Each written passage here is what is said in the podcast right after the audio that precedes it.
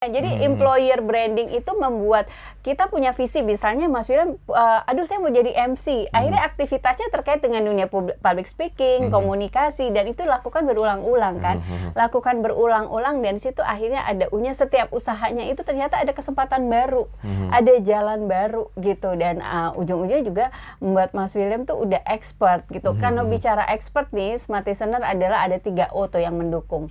Ada otak kita mendukung, otot kita mendukung, dan hmm. orang-orang hmm. kita mendukung, mendukung, gitu. Jadi kalau udah public speaking, otot-otot dari uh, Mas William tuh mulutnya tuh udah nggak udah a i u e o nya tuh udah langsung kayaknya udah otomatis hmm. gitu ya. Hmm. Nah begitu juga kalau misalnya smart listener melakukan apa pun yang sudah dilakukan berulang-ulang, ototnya tuh ikut mendukung. Setuju. Smart FM. Smart Smart Career. Semuanya pernah nggak sih Anda membeli barang harus merek tertentu atau Anda mengingat merek tertentu sehingga itu tertanam di benak Anda ya terhadap barang atau juga hal yang tentunya Anda inginkan. Nah ternyata merek ini atau juga branding nggak hanya berlaku pada barang atau juga hal-hal yang bersifat benda ya. Ternyata calon karyawan, pekerja itu juga perlu memiliki branding atau yang disebut dengan employer branding. Kira-kira seperti apa employer branding dan bagaimana membangunnya untuk karir kita ke depannya? Kita akan membahasnya bersama dengan Mbak Mia atau Coach Mia. Halo Mbak Mia. Halo, apa kabar Mas William? Semangat ya. Terima kasih yang sudah diundang. Okay. Wah, nah untuk smart listener seperti biasa saya nah. menyapa dulu ya bahwa pastikan adalah smart listener adalah smart listener yang aduhai. Apa itu aduhai? Agen dunia akhirat. Pastikan karir Anda nggak cuma bermanfaat untuk dunia tapi juga akhirat. Nah, terkait hmm. tadi mengenai merek-merek gitu ya. Hmm. Ternyata memang dari sisi rekrutmen nih Mas William ada namanya employer branding. Ada, itu ya? maksudnya apa? Kalau hmm. misalnya saya tanya nih ya ke Mas William, misalnya Mas William diajak uh, istri atau atau anak makan hmm. gitu. Ada dua tempat, satu yang dalam tanda kutip nggak ada mereknya, nggak hmm. ada brandnya, terus satu ada brand uh, ada brandnya dan ada mereknya. Kira-kira lebih milih yang mana? Dari sisi semuanya disetujui oleh istri dan anak. Hmm. Biasanya dari sisi lebih, budget juga iya, disetujui dari, ya. Pasti ada mereknya. Ya, ada mereknya. Nah, hmm. begitu juga dari sisi perusahaan. Dari sisi perusahaan sering sekali merekrut itu nggak cuma mengenal uh, melihat dari CV gitu ya, tapi juga melihat dari employer branding. Apa sih mm -hmm. employer branding? Misalnya saya merekrut kandidat A dan kandidat B mm-hmm. dari perusahaan dari universitas yang sama. Misalnya ada proses kampus hiring. Mm-hmm. Nah, biasanya rekruter akan nanya, "Eh, si A ini gimana?" Nah, itu yang akan mengkonfirmasi si A itu employer brandingnya adalah teman-temannya. Mm-hmm. Oh, dia aktif, dia ketua ini, dia sering ikut kegiatan sosial gitu ya. Terus dia bisa uh, pernah jadi asisten dosen gitu. Nah, ada juga misalnya perusahaan uh, di kandidat B ini pasti tanya, dia siapa ya kok dia aku mhm. nggak pernah tahu sih gitu ya misalnya dia mahasiswa kupu-kupu gitu ya kuliah pulang kuliah pulang gitu ya. Nah itu hmm. akhirnya employer brandingnya nggak dapat gitu nggak kebentuk hmm. gitu. Nah pentingnya nih Gen Z atau milenial yang masih ke kuliah sekarang sejak kuliah sudah membuat employer branding. Maksudnya hmm. gimana tuh? Cukup deh employer branding punya prinsip namanya value. Wah value. Hmm. karena bicara branding pasti mereka punya value-nya sendiri. Contohnya misalnya Mas William pakai sepatu. Kita bisa aja bilang ini sepatunya adalah buatan Indonesia. Mm-hmm. tapi pada sudah pada saat udah dikasih brand terus made in misalnya luar itu udah value-nya udah mahal banget. Udah naik. Udah naik ya. Mm-hmm. jadi sebenarnya begitu juga dengan kita sebagai employer sebagai candidate sebagai orang yang sedang melamar pekerjaan. Kita creating dulu mm-hmm. nih gitu.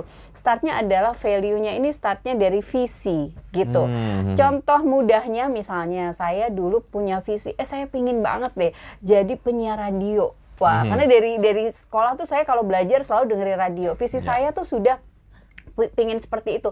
Akhirnya udah bicara visinya penyiar radio A-nya adalah aktivitas. Hmm. Aktivitasnya bagaimana supaya saya bisa dekat dengan dunia radio. Akhirnya saya kenalan sama orang-orang media. Hmm. Saya coba uh, dekat pendekatan. Jadi jangan sampai kita punya wish tapi nggak punya aksi. Hmm, aksinya. Uh, uh, nah ini salah satu bagaimana kita bisa melakukan employer branding. Setelah itu L L-nya itu adalah lakukan berulang-ulang hmm. gitu. Jadi kalau bicara lakukan berulang-ulang ini kita jadi happy, jadi punya passion. Jadi nggak nggak ada istilahnya kalau melakukan berulang-ulang itu karena ujungnya wani piro, hmm. enggak gitu ya. Hmm. Nah dari situ dari lakukan berulang-ulang, terus ada U, value-nya tadi visi, aktivitas karena saya punya visi untuk menjadi penyiar radio, saya punya aktivitas terkait dengan dunia radio, dengan hmm. dunia media dan saya lakukan berulang-ulang gitu Mas William. Kadang sering sekali waktu itu saya bantuin Smart FM juga Uh, Mia kita lagi ada butuh event ini boleh nggak diundang uh, teman-temannya gitu atau Mia kita uh, ada uh, acara yang narasumbernya nggak ada, oh saya boleh bantuin ya, saya coba kenal-kenalin gitu. Mm -hmm. Tapi ada lakukan berulang-ulangannya tuh dengan happy di dunia yang sama gitu ya. Selanjutnya adalah usaha. Usahanya tuh apa? Kalau orang employer branding yang punya visi, kan kita suka ada ya pepatah. Setiap ada jalan di situ ada usaha, mm -hmm. ya. Nah itu adalah hal yang biasa. Tapi kalau udah bicara employer branding, dibalik tuh Mas William. Setiap ada usaha di situ ada jalan. Hmm. Jadi usaha dulu gitu, melakukan dulu gitu. Misalnya uh, dari sisi dari sisi uh, fresh graduate gitu ya, saya mau kerja misalnya di dunia broadcast, hmm. tapi nggak ada usahanya terkait dunia broadcast. Hmm. Hmm. Jadi akhirnya mungkin nggak ada jalan, iya nggak sih? Tertutup jalannya. Jadi cuma dibilang ah nunggu kesempatan datang. Nah itu kan biasa kita nunggu jalan datang nunggu kan, hoki nunggu ya. hoki hmm. gitu. Jadi Agak susah betul. Ya? Makanya employer branding startnya dari usaha kita dulu apa nih gitu, baru yang E-nya itu uh, ujung-ujungnya R-nya itu membuat kita E-nya terakhir ada bisa menghasilkan. membuat menghasilkan atau membuat kita jadi expert di bidangnya hmm. gitu. Menarik ya apa yang disampaikan hmm. oleh Mbak Mia ya. Kita hmm. melakukannya berulang-ulang. Contohnya nih simpelnya Smart Kalau hmm. Anda sekarang masih kuliah ya untuk para Gen Z ya, lakukan satu kegiatan yang aktif, kemudian juga berulang-ulang, akhirnya itu melekat di diri kita ya. Hmm. Saya ngambil simpelnya misalnya waktu itu saya waktu kuliah ya yeah. Mbak Mia ya. Mm-hmm. Jadi karena sering MC akhirnya yeah. gampang gitu Iya, iya, ya. oh, iya betul. Itu salah satunya. Jadi mm-hmm. employer branding itu membuat kita punya visi misalnya Mas William uh, aduh saya mau jadi MC. Akhirnya mm-hmm. Aktivitasnya terkait dengan dunia public speaking, mm-hmm. komunikasi dan itu lakukan berulang-ulang kan. Mm-hmm. Lakukan berulang-ulang dan situ akhirnya ada unya setiap usahanya itu ternyata ada kesempatan baru. Mm-hmm. Ada jalan baru gitu dan uh, ujung-ujungnya juga membuat Mas William tuh udah expert gitu mm-hmm. kan kalau bicara expert nih, smart listener adalah ada tiga O tuh yang mendukung. Ada otak kita mendukung, otot kita mendukung, dan hmm. orang-orang kita mendukung, mendukung gitu. Jadi kalau udah public speaking, otot-otot dari uh, Mas William tuh mulutnya tuh udah nggak udah a i u e o nya tuh udah langsung kayaknya udah otomatis hmm. gitu ya. Hmm. Nah begitu juga kalau misalnya smart listener melakukan apa pun yang sudah dilakukan berulang-ulang, ototnya tuh ikut mendukung. Setuju. Karena kekuatan dari kita uh, bekerja itu adalah nggak cuma sekedar otak gitu ya misalnya mm -hmm. kamu lulusan uh, komunikasi tapi nggak pernah komunikasi. Jadi pada saat ngomong interview bisa jadi ah iya, gitu ya. Jadi kaku gitu ya. Nah itu adalah employer branding bagaimana kita akhirnya menjadi smooth dan mungkin teman-teman di lingkungan kita kekuatannya juga orang-orang ya, orang-orang yang mendukung. Jadi otaknya sudah, ototnya juga mendukung, mm-hmm. dan orang-orangnya juga wah kalau udah MC sama Mas William aja dia okay. kalau ngomong tuh lancar. Mm-hmm. Nah itu salah satu salah kekuatan employer branding. Oke. Okay. Gitu. Nah ini mm-hmm. untuk small listeners dan juga Gen Z ya, mm-hmm. bisa dikatakan mulailah aktif dari sekarang mulai kegiatan di kampus yeah, misalnya kegiatan-kegiatan organisasi mm-hmm, yeah. kemudian ikut komunitas betul, karena betul. dengan keaktifan itu berulang-ulang itu bisa membentuk image kita yeah, dan itu yeah. berarti memungkinkan juga ya mbak mm-hmm. Mia misalnya perusahaan tuh merekrut kita betul hmm, betul kalau misalnya melihat oke okay, ini anak nih potensinya sangat besar nih ya, iya, tanpa iya. harus ngelamar. Kira-kira gimana? Iya, betul. Jadi kalau misalnya kita sudah punya employer branding, kita sudah startnya dari prinsip value tadi gitu ya, kita ujung-ujungnya punya banyak tabungan hmm. gitu tabungan itu apa mungkin nanti serunya saya akan bahas di podcast selanjutnya mm-hmm. ya mhm. apa nih tabungan-tabungan yang buat value tapi saya bocorannya aja ya yeah. tabungan kita salah satunya adalah tabungan pertemanan mm-hmm. nah tabungan pertemanan itu yang mengcreate employer branding kita gitu kayak misalnya Mas William sudah oke okay jadi MC banyak melakukan kegiatan tapi nggak gaul mm-hmm. akhirnya bisa jadi pada saat saya butuh MC saya nggak kenal Bingung. Mas William mm-hmm. gitu tapi pentingnya di sini adalah kalau mungkin kerennya tuh kan bisa dibilang bahasanya networking gitu ya, hmm. bisa bicara networking, silaturahmi.